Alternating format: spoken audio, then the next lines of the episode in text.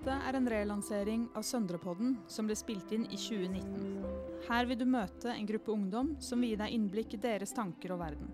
Som et stillbilde av den de var akkurat da.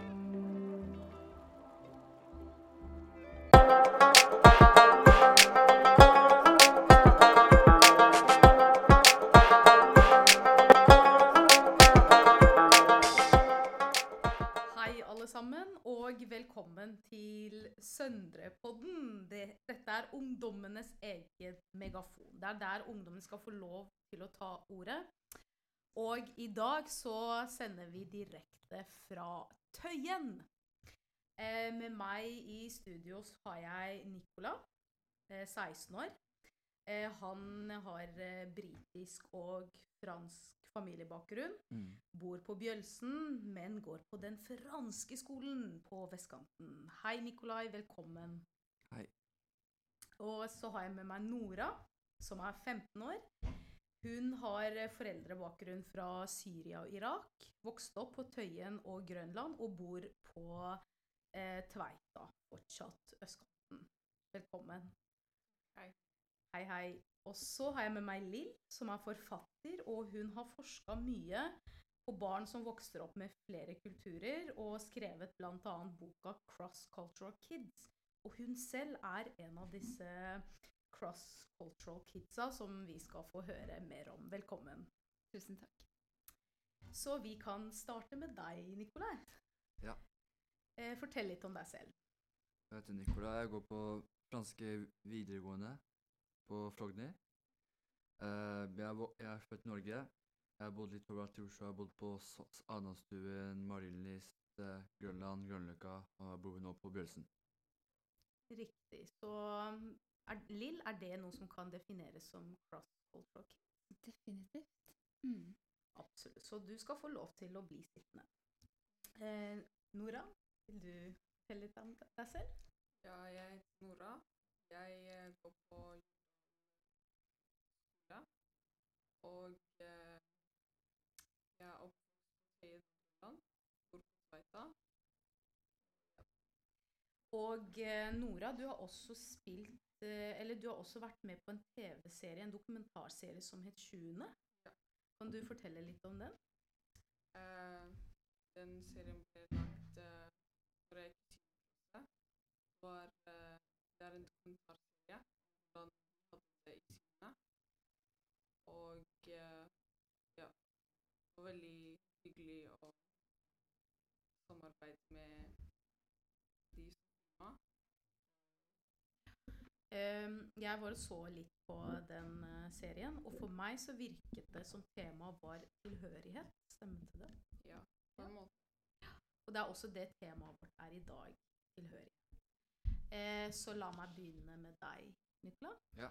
Eh, hva forbinder du med tilhørighet? Um, å tilhøre noe eller å tilhøre en gruppe. Og integrere, integrere på en måte. Hvor er det du føler deg mest hjemme? Sånn, hva mener du? Altså, hvilke grupper, hvis man skal snakke om eh, gruppetilhørighet, er det Vennegruppe? vennegruppe? Ja. Kan du fortelle litt om det? Hva slags venner du har? Fordi du bor jo på Bjølsen, men du går ikke på skole der. Nei. Så jeg har eh, en vennegruppe fra franske skolen. Jeg har kjent de i nesten ti år. Jeg har vært venn med de ganske lenge. I nært forhold. Så har jeg også venner fra basketballaget mitt på Grønløkka. Hvor uh, nesten Eller alle som går på klubb, som går på klubben, er, er, ikke, er utlending, eller de bor på østkanten. Så det er østkantsgutta du trives best med? Det, det går an på. Også de fra skolen min. Mm, og det er litt blandet Uh... Ja, det er litt blandet. Mens, me, mesteparten bor på vestkanten, men mange også bor på Noen bor på østkanten, liksom Oppsal og Bøler. eh, Hvor er det du ikke føler deg hjemme? Har du en episode hvor du har følt deg utafor? I en gruppesammenheng eller en fest eller uh, ikke virkelig, eller jo, sikkert måten jeg kler, meg på noen ganger. Sånn, altså på, på vestkanten, de liker å putte på sånn Air Force, uh, sånne lysblå jeans og sånn, de kan ha AirPods. Det er ikke virkelig min type, på en måte. Hvordan er det du liker å kle deg på, da? Jeg kler meg med sånne, la oss si, eh, litt uh, mørkere klær noen ganger. Eh, Air Maxes og uh, sidebags. Har du med disse, den type bekledning havnet på vestkanten og følte deg utafor? Mm. På, på noen fester, ja, noen ganger. Fortell litt om det.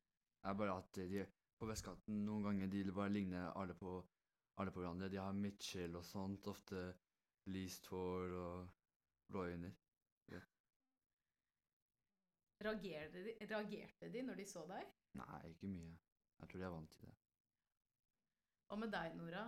Hvor er det du liker å henge? Uh, med venninnen. Fortell litt om dem. Vi er, vi er like hverandre. Vi liker å gjøre sånne ting. Uh, alle er fra forskjellige land. Og Eh, hvor er det du ikke føler deg hjemme? Eller litt sånn utafor? kanskje i, eh, i en norsk gjeng. Har du et eksempel på det? Et sted hvor du har havna hvor du syns det var litt mindre tri- trivelig? Um, fest en gang. Det var bare eh, norske. Og det var litt uvant.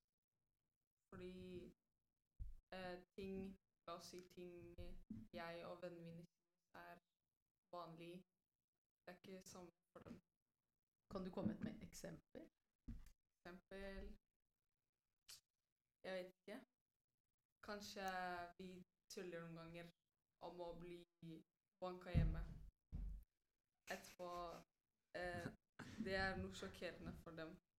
Ikke at vi blir det, men vi bare tuller. Forstår du? For eksempel ah, 'Jeg er for sen. Mamma skal banke meg.' Og da de hører det, de sjokk. Forstår du? Det er bare kødd.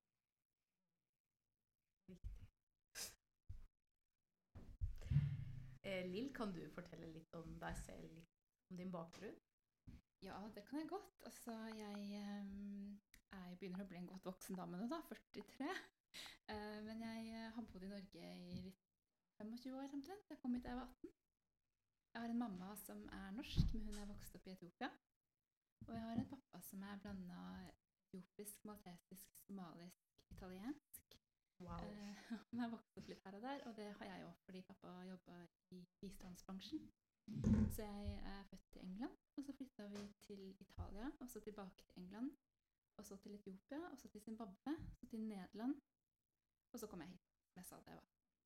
Så havna du på Kjelsås, Mm. på vestkanten.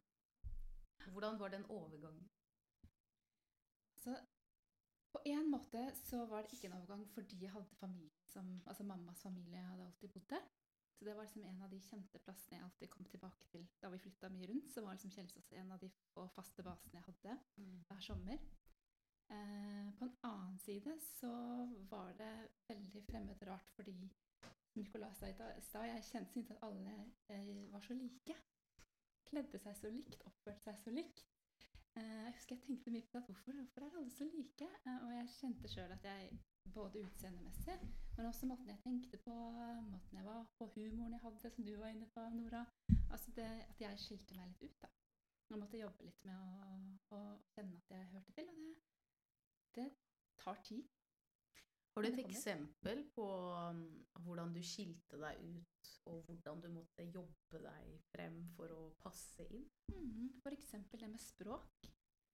Eh, og det, det er noe som går igjen også i historien til de unge jeg snakker med, at det, det med språk har mye å si for tilhørighet. Eh, en ting er om man snakker norsk eller fransk eller engelsk eller tyrkisk eller hva det skulle være, men, men at man har liksom de der nyansene i språket som Er det a-ending? Er det liksom venninna, eller er det venninnen? Er det altså alle disse her sosio sosiolektene? At man henger liksom med i måten andre snakker. Jeg har alltid skilt meg litt ut på det. Fordi jeg lærte et litt sånn gammeldags norsk. Jeg gikk på norsk skole i Etiopia, eh, og der var det veldig sånn gammeldags norsk. Da sa vi piken og pipen, og det var liksom andre ord da, som ble brukt.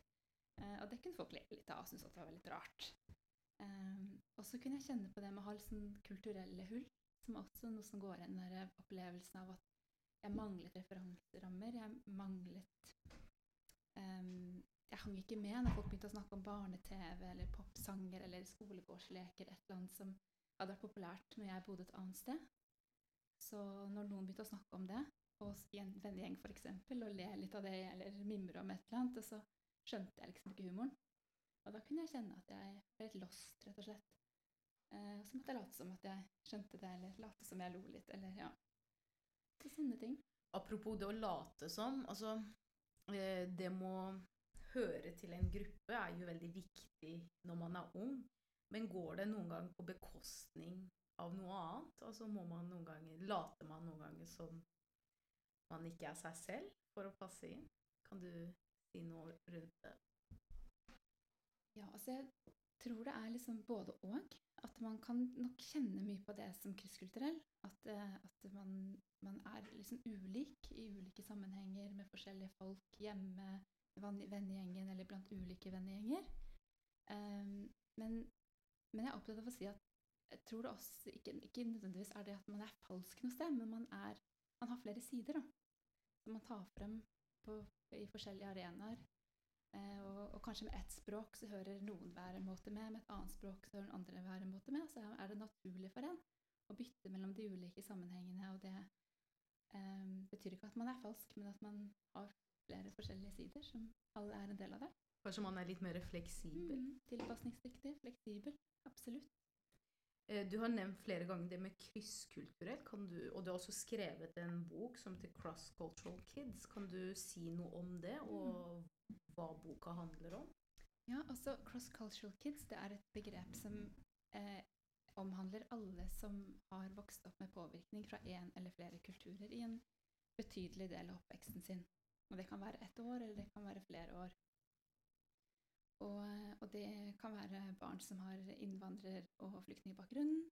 Det kan være barn som har flytta rundt pga. jobben til foreldrene sine. Misjonærbarn, forsvarsbarn, bistandsbarn eh, militærbarn, det kan være de som har internasjonal adoptivbakgrunn, det kan være de som har foreldre fra forskjellige land og kulturer, det kan være de som har bakgrunn fra urfolk eller nasjonale minoriteter, så det er en ganske bred og stor gruppe. Eh, og boka handler om Det er en slags håndbok, egentlig. En, en, en informasjonsbok eh, og refleksjonsbok for unge voksne som har denne type oppvekst, for å forsøke å bevisstgjøre og både finne et språk på det som er vanskelig, det som er utfordrende. Dette med, som du var inne på, er hvordan er det å tilpasse seg ulike situasjoner? Kan man kjenne på et krysspress, utenforskap, eh, diskriminering? Eh, men, men også fokus på hva som kan være bra. Hvilke styrker og ressurser man får gjennom en oppvekst med flere kulturer. Eh, Nicola, har du noen gang opplevd at du må tilpasse deg for å passe inn i en gruppe? Altså at du må gjøre ting Eh. som du vanligvis ikke gjør, f.eks.? Ikke så mye, helt ærlig. Jeg tror ikke det, fordi franske skolen jeg har vært der, som jeg har sagt, nesten vært der i 13 år. Så sånn, jeg har fått venner på sånn naturlig vis. Og så sammen på basketlaget og sånn. Jeg har ikke tenkt å tilpasse meg, og hvis jeg må tilpasse meg en gruppe, vil jeg ikke tilpasse meg heller. Jeg er, jeg er personen jeg er. Kjenner du noen som måtte gjøre det? Mm, ja. ja. noen folk som eh, Eller sånne en sånn sånne hvite gutter fra, fra vestkanten som ville være, henge litt med på østkanten med sånne med litt sånn utlendinger. Begynne å snakke kebabnorsk og sånn. Klarte de å snakke kebabnorsk, eller? Ja, men det, det så, høres bare hørtes rart Av feil kebabnorsk? Ja, litt feil også. Det var litt, det var litt trist. Hvordan gikk det? Ble de tatt med i gjengen? Litt, litt, ignorert, litt ignorert også. Hva med deg, Nora? Har du noen gang opplevd at du er i en setting hvor du må gjøre ting som du egentlig ikke har veldig lyst til, eller Uh, jeg kommer ikke på noe. Men kommer på. Mm. Når jeg så den eh, eh, serien, 'Tune på Mm. ekte, da virka du som den derre personen som var den tøffe, da, som alle ville være venn med. Ja. Eh, hvorfor tror du det?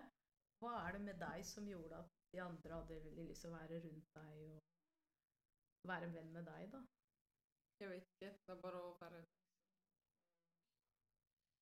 Bry deg om hva andre sier. Og prøve å være som alle andre, fordi uansett hva du gjør, så kommer folk på noe nytt, og da må du også gjøre det samme. Og da du er deg selv, det er ikke noe å stresse over. Så ja. Har du noen gang opplevd at eh, du ikke har fått lov til å være deg selv? Eller at noen har fortalt deg på en indirekte måte at måten du er på, er feil? Ja. Skolen. Skolen. Um, for eksempel Jeg vet ikke. Bare flere hendelser. Og forskjellsbehandling også. Mellom vi, vi utlendinger i klassen føler vi blir litt forskjellsbehandla av læreren på hvordan vi er. Selv om det ikke er akkurat Selvfølgelig om du bråker i timen, det er jo feil.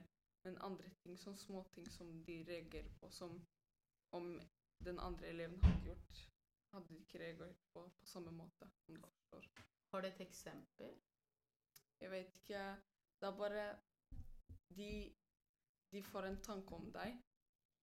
Om La oss si jeg er i en vennegjeng på skolen, og så har alle lærerne Ikke alle. Jeg kan ikke ta alle under samme I hvert fall. Eh, vi er den vennegjengen, og så ser de på oss som eh, bråkemakerne. Ikke sant? Og så er vi i timen, og så La oss si vi spør om å gå på do. Jeg, for eksempel. Og så får jeg ikke lov, men så spør hun andre rolige jenta om å gå på do, og så får hun lov, forstår du? Bare sånne flere andre situasjoner, men det var bare et eksempel. Sånne små greier som jeg blir irritert av, fordi hvorfor skal du ha en tanke om meg når du egentlig ikke Jeg, jeg har ikke gjort noe, forstår du? Ja. Jeg er jo eh, vokst opp på Holmlia. Folk pleier å si om jeg er iraner fra Holmlia. Det er det de pleier å si til meg. Um, I går, når jeg var her på Tøyen og skulle handle, så jeg har sånn dårlig vane med at jeg begynner å ta på tomater. Jeg vet ikke om det er dårlig vane, jeg må jo kjenne på om det jeg kjøper er bra. Ja. Men det passer jo litt dårlig å gjøre det nå som det har vært korona. Da, så sto det en dame eh, ved siden av meg, en eldre dame, som begynte å kjefte på meg- og da antok hun at jeg ikke snakket norsk, da. Så da begynte hun å vise med kroppsspråk og pekefinger eh, og med hele kroppen sin vise aggresjon og si nei, nei, nei. Og så begynte jeg å starte en samtale med henne for å bare forklare hvorfor jeg gjorde det jeg gjorde, men eh, da var hun ikke interessert, da. Og da svarte hun nei, du skal ikke røre på dette her, og så bare gikk hun. Og så merket jeg i etterkant, jeg hadde begynt å tenke på det, hva var dette her? Ok, jeg glemte meg bort. Men hadde hun reagert på samme måte hvis det var, la oss si, en hvit eldre person? Eh, og det tok jeg opp da på min Facebook, og noen som sa ja, altså hun, øh, hun overreagerte, mens andre bare nei, nå er det du som overreagerer, og nå er du hårsår. Hva tror dere? Jeg synes uh, kanskje La oss glemme det om korona, og du har jo en vane av å ta på tomatene, men ikke det engang. Bare at Hvorfor snakket hun ikke norsk til deg som alle andre? Om du hadde vært hvit i huden, så hadde hun Eller om du hadde sett etnisk norsk ut, så hadde hun snakka vanlig norsk til deg. Og ja. Og du sa at du selv prøvde å snakke med henne, men hun ville ikke. Så Hva tror du? Hun så sikkert at du så ikke veldig norsk ut. Derfor hun snakka på engelsk for sikkerhets skyld.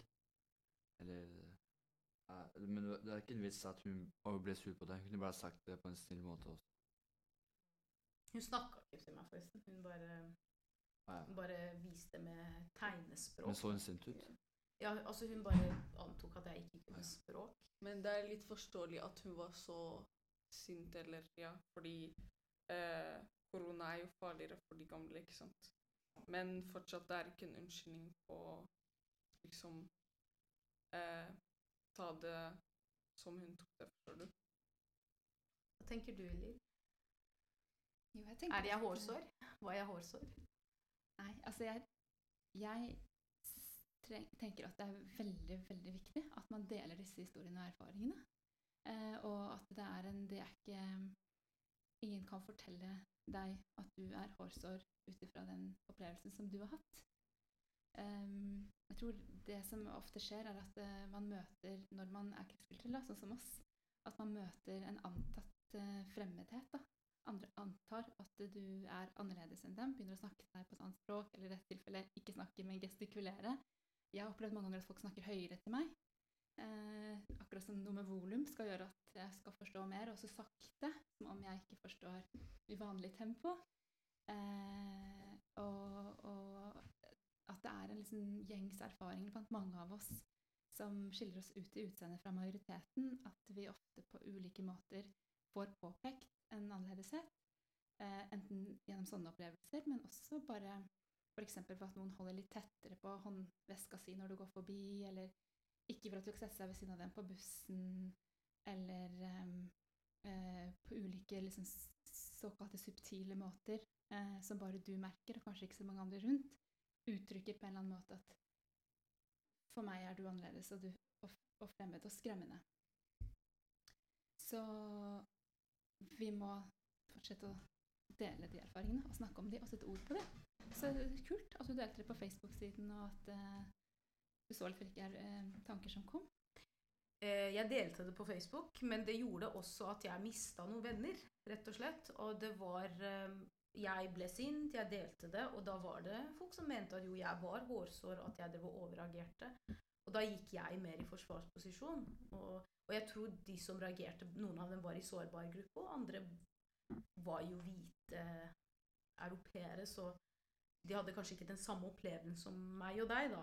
Og da gikk jeg mer i forsvarsposisjon og snakket plutselig om subtil rasisme og mikroaggresjon, og da ble det bare da, ble det bare en veldig dårlig stemning, og mista ja, mista de vennene. Og da tenkte jeg oi, uh, uansett hva man gjør altså skal, skal ikke man si, Du sier jo at man skal si ifra. Det er bra å dele de historiene, men når jeg først deler det, så sier jeg oi, folk går bare i forsvar, forsvarsposisjon, da, de som ikke kjenner det på samme måte som meg og deg på kroppen, så er spørsmålet hva gjør man med det? Har du noen tanker rundt det Jeg tror det? er det som er veldig kjennetegnet med det du sier, kaller for mikroaggresjoner, disse hverdagsstikkene som man gjerne kan få, eh, og som blir så mange at man til slutt eh, får veldig nok, eh, og har et behov for å nettopp si ifra, er at man, i tillegg til at man, skal ha, man får ansvaret for å kjenne på de vonde følelsene man kjenner på når man, sånne ting skjer, eller folk sier kjipe ting til deg, så får man også et slags ansvar for å ivareta den andres følelser. Eh, så, så det er hele tiden en balansegang å vurdere opp mot hva, hva koster det meg i denne situasjonen å si ifra, reagere, versus det også å håndtere den andres eh, tristhet, leisehet, så unnskyldninger, følelser, eller, eller eh, eh, begrunnelser om at 'oi, det var ikke sånn ment', og 'nei, nå tar du det ille opp', og 'nå er du hårsår', 'det var, ikke sånn jeg mente det'. At det blir en liksom dobbeltbelastning i det, da, så man må hele tiden kjenne på sjøl. Hva, hva orker jeg? Og også skjerme seg litt også, de dagene man kjenner at man er skjørere. altså også kanskje ha en safe team rundt seg, da. Altså vennegjeng eller folk man vet man kan snakke om de erfaringene, og vite hvilke kanaler man kan gå i. Um, men, men det jeg er opptatt av, er, er å, å, at vi lærer hverandre og ungdommene at det er ikke Man skal ikke det, det, Man skal få frasyve seg et ansvar. Man skal ikke selv gå og kjenne på at det er noe galt med meg. Det er, det er noe som blir gjort mot meg. Det er noen som sier noe til meg som er ugreit. Som får meg til å føle meg ugrei, men det er ikke noe galt med meg. Så, Mm. så, så det er der vi liksom må jobbe. Så selv om jeg tok på de tomatene i koronatid, så er jeg ikke helt på bærtur. Det er ikke sånn, det er ikke sånn kjempemye galt med meg. Kanskje litt noen ganger. Det handler jo om form, ikke sant? hvordan man snakker til hverandre, som Nicolas sa. ikke sant? Hva, hvordan, hvordan er det man kan si ting på en ålreit måte?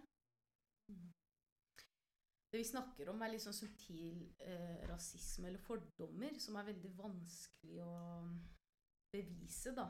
Eh, Og så må man bare stole på de som har erfart det.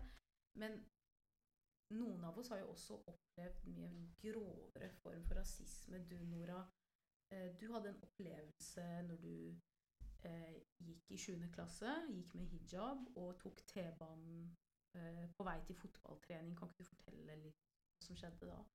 Ja, så jeg var på vei til uh, fotballtrening, og så var jeg på banen. Og så skulle jeg gå og sitte, men hun dama sto i veien. Og så spurte jeg om jeg kunne gå forbi. Og så startet hun å ta opp eh, islam og muslimer er terrorister og alt det der. Etterpå men jeg bare orket ikke å diskutere, så jeg gikk bare forbi. Og så traff jeg henne på vei forbi, og så ble jeg kjært med noe av henne, og så tok jeg bilde av Altså hånda hun mi. skar deg med noe skarpt? Ja, men jeg så ikke hva det var. Så gikk jeg videre. Jeg gikk av banen, jeg tok bilde, og så ble det med i serien. Mm. Hvordan følte du deg da? Altså, hva slags følelser, tanker gikk rundt? Jeg var sint. Eh, fordi det er ikke greit at det, sånne ting skjer.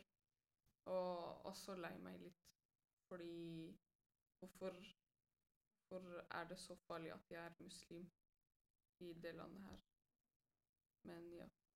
Det er sånne hendelser skjer, men du må også se på alt annet som er positivt, Tror du? Ikke bare ja. Så du prøver å fokusere mest på det positive? Ja. Som hva da? Bare alt folk har rundt deg som aksepterer at du er muslim. Eh, alle bra tingene som skjer. Har du mange som støtter deg? Ja. Eh, hva med deg, Nicola? Du er jo Du ser kanskje ikke ut som en muslim, du? Men, eller en, eh, mørk, en som er mørk i huden. Men har du, kjenner du noen som har opplevd noe lignende som det Nora forteller om? Uh, ja. Eller det som er også med meg, er at uh, det er ikke rasisme, men litt mer diskriminasjon også. Mange, mange folk tror at tror, Mange sier at jeg ser ikke norsk ut, og så når de hører på meg snakke norsk, tror ikke jeg snakker tror ikke er norsk heller. Mange, noen sier at jeg ser eh, albaner eller serber ut noen ganger. Nå har jeg caps på. Eller noen har sagt også at jeg var at man, man var litt eh, arabisk. som Mange har sagt det. Ellers ikke så mye. Og da sier de det som noe negativt? sånn? Nei, jeg, jeg bryr meg ikke, helt ærlig. Jeg bryr meg ikke. Men det som er noen ganger når jeg ser at jeg bor på for eksempel Folk eh, de, de skifter humør De skifter humør, på en måte. Ja. På hvilken måte da? Jeg vet ikke, de bare er sånn En gang jeg sa jeg fra Børsen, og sier jeg, en gutt bare begynte å tulle. Han sa 'Å ja, du er gangster'. Sånt. Jeg var, jeg var sånn Hva faen? Du vet. Hvor var han? Hvor var det han Han var, da? eh, han var fra vestkanten. Men du, opp, du fortalte oss om en opplevelse som en kompis hadde en gang. Eh, noe som skjedde på vestkanten. Det ble noe bråk, eller Ja, det ble litt uh, bråk mellom en han, At han var, han var, han var en svart gutt av noen vestkantgutter. Ja, det ble litt uh, Det ble en liten slåsskamp. Hva skjedde? Jeg vet ikke. Jeg tror bare han gutten som Jeg tror, at, vet ikke, jeg tror han reager- reagerte til noe de hvite guttene sa. Og de guttene sier, eh, sa sånn Ja, hva vil du Hva gjør de i landet her? Og sånt. Og han gutten Han, han, han svarte gutten ble litt eh, han, han ble ganske sur. Sant? Og ble litt aggressiv. Og ja. Det er som skjedde. Mm, tilbake til østkanten og vestkanten. Altså, hva er typiske fordommer eh, østkantsfolk, eller østkantsgutta har mot vestkantsgutta, og motsatt? Uh, måten de kler seg på. Første ting. Eh, måten de snakker på også. Um, forskjellig, mentali forskjellig mentalitet også. Og måten de snakker uh, Måten de snakker til foreldrene sine også. Kan du komme med et eksempel? Jeg vet ikke. Hvordan er det de snakker til foreldrene sine på vestkanten? For Jeg, jeg, jeg har ikke virkelig opplevd det. Jeg bare hører mye av det, eller ser mye av det på sånn TV og sånt. Hvordan er det de snakker til foreldrene på østkanten, da? Litt mer, litt mer de har, Ser ut som de har mer respekt for foreldrene sine. Ja. Sier ikke noe galt og gjør ikke noe galt. sånt. Som engler. Så da er fordommen kanskje at de på øh, vestkanten ikke er like høflige, da? Ja, men jeg vet ikke mye om det, fordi jeg har ikke jeg, jeg har ikke hatt så mange sånne norske venner, eller sånn 100% norske venner på virkelig, så jeg vet ikke hvilke hvordan det er. Riktig. Um, vi snakket litt om det å være krysskulturell, altså det å ha bakgrunn fra veldig mange forskjellige steder. Jeg har jo selv vokst opp eh, med litt for mange identiteter, og det jeg merket var at jeg måtte liksom hele tida tilpasse meg, og det var på en måte ting som var akseptert hjemme, som ikke var akseptert ute i eh, samfunnet, da, på skolen eller og vice versa. Og så følte jeg som at jeg levde et dobbeltliv. Um, var jeg hyklersk? Nei, det syns jeg ikke. Nei, men jeg tror det er mange som kjenner seg igjen i akkurat det. At man nettopp, som du sier, man blir litt sånn antennebarn. Man går inn i en situasjon, og så kjenner man litt hva er det som forventes av meg her. Og så forsterker man liksom de sidene. Eh, og så går man inn et annet sted, og så gjør man Kanskje er det andre ting som forsterkes. Enten det er språk eller væremåte. Eh, og jeg tror det er rett og slett bare veldig naturlig for krysskulturelle å gjøre den skiftingen uten at man er hyklersk eller falsk eller at det er noe galt med en, men det er en naturlig ting nettopp fordi man er påvirka av flere steder og plasser og måter å være på, og man forventes også å oppføre seg ulikt i de ulike settingene. Og det, det gjør jo alle mennesker, men, men for krysskulturelle er det ofte ekstra forsterket. Og jeg tror også at uh, man gjerne kan fortelle seg selv at det å um, eventuelt leve et dobbeltliv eller tilpasse seg ulike eh, settinger, det er rett og slett en, en kjempeviktig ferdighet. For noen er det en overlevelsesmekanisme, eh, og for alle er det rett og slett en styrke, en ferdighet, som kommer naturlig, som man kanskje ikke tenker så mye over. Er det noe man kan få bruk for senere i livet? Ja, altså bare se på som, alle arbeidsjobbutlysninger, da. Ikke sant? Hva er det folk søker etter? Jo, det er de som er tilpasningsdyktige og flinke til å håndtere endring. Og, så det er en kjempeferdighet. Eh, og bare se den tiden, tiden vi lever i, hvor fort ting forandrer seg. En styrke å, å ha, det, ha det bare med seg i ryggmargen. Eh, Nora, du nevnte at eh, en grunn for at du har vært litt sånn populær i vennegjengen, er fordi du alltid har vært deg selv. Ja. Men har du noen gang opplevd at du må på en måte bytte roller ut ifra hvilken situasjon du er i, om du er hjemme, eller du er på moskeen, eller du er i klasserommet? Ja, mange ganger. Og der Du må jo selvfølgelig tilpasse deg. Du kan ikke være på samme måte med vennene dine som du er Du kan ikke liksom Hvordan du er med vennene dine, du kan ikke være det på jobb, forstår du? Du må tilpasse hvordan du er, og i hvilken situasjon du er. Men noen ganger så så er det vanskelig å finne seg selv, eller liksom vite hvem du akkurat er, fordi folk skal alltid em, kommentere eller si deres mening om hvordan du skal være, forstår du? Har du et eksempel? For eksempel Jeg vet ikke, det er bare Du, jeg er jeg, Foreldrene mine kommer fra andre land, og de er ikke opprinnelig norske. Og så ting folk for, forventer av meg jeg, jeg har ikke det, forstår du? Så De forventer at uh, du skal være som foreldrene dine? i- ikke det, men de forventer jeg skal være uh, Jeg kommer ikke på det. Men la oss si jeg er med norske vennene mine, så forventer de jeg skal være som dem, forstår du? Men At, at du skal være 100% som dem? ja. Mm. Så de på en måte ikke lar deg være deg selv da, og definere Ja. deg selv? Hva gjør du? med- Voksne også, ikke bare Med ungdommer, der det er litt å være seg selv, men det er mest voksne som skal kommentere og Hvordan håndterer du det da? Før jeg, jeg ble usikker. Jeg tenkte det var noe feil, med meg. Men etter hvert så La oss si jeg prøvde å fikse på oppførselen min. Selv om det ikke var noe feil. I dems øyne det var, forstår du. Etterpå jeg prøver å fikse på det, men så kommer de med noe nytt. Hele tiden. Og til slutt du tenker hva er det som er galt med meg? Er det meg, eller er det dem som skal alltid kommentere på noe, forstår du? Så til slutt det er bare Ja. Du, blir, du lærer hvordan du skal håndtere sånne ting, og hvordan du skal være deg selv. Hvordan håndterer du det da? Hva gjør du konkret? Meg nå? Jeg bryr meg ikke om hva folk har å si. Noen ganger det, det er bra å høre, høre ting fra andre folk, men andre ganger så er det bare negativt. Du får ikke noe ut av det, forstår du? Jeg kan si til deg um, du trenger å fikse på det fordi jeg bryr meg, forstår du? Men andre folk, det, det er ikke deres intensjon. Så ja. De gjør ikke det for å, for at, for å løfte deg opp. De gjør Ja. det for å Ta kritisere, dra deg ned, ja. dra deg ned og sånt. Du har jo eksempel I den serien så gikk du med hijab, Mm. eh, og nå har du slutta med det. Ja. Eh, var det ditt valg? Ja. Både å begynne og Å slutte? Å begynne var mitt valg, og ta var mitt valg. Hva slags reaksjoner fikk du når du slutta med det? Og uh, alle ak aksepterte det.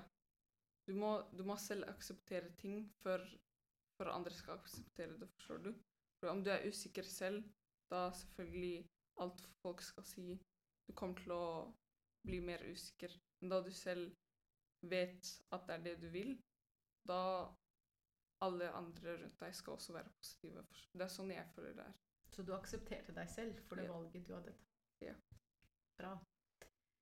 Eh, har du noen erfaringer med de du har intervjua? Litt eh, Nora sier er det at folk hele tida har forventninger til deg. Hva gjør det med eh, barn og unge som hele tida blir satt i bås Mm. eller eh, forventa noe ut ifra en antatt bakgrunn eller identitet?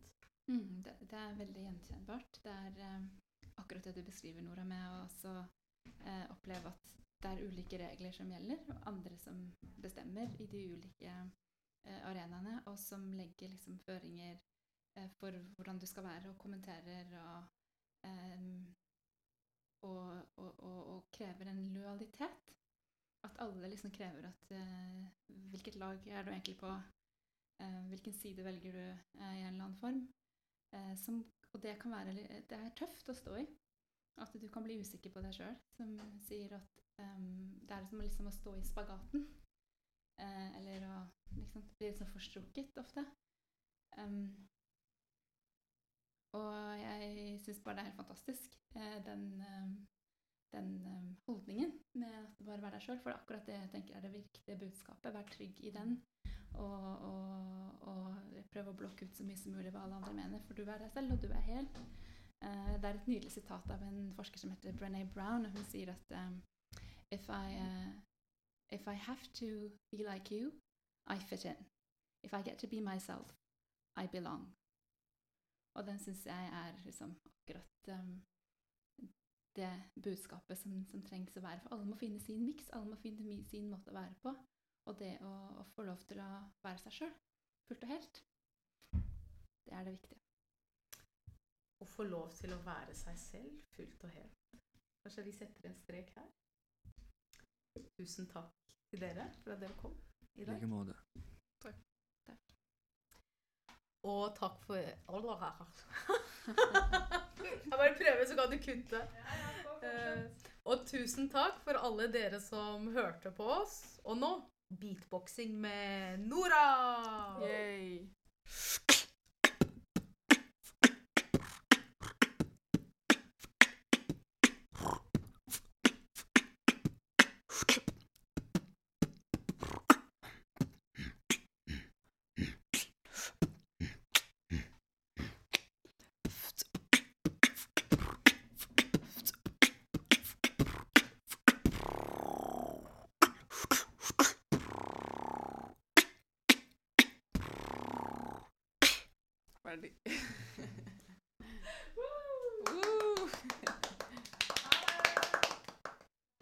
Dette er en podkast fra Deichman, hele Oslos folkebibliotek.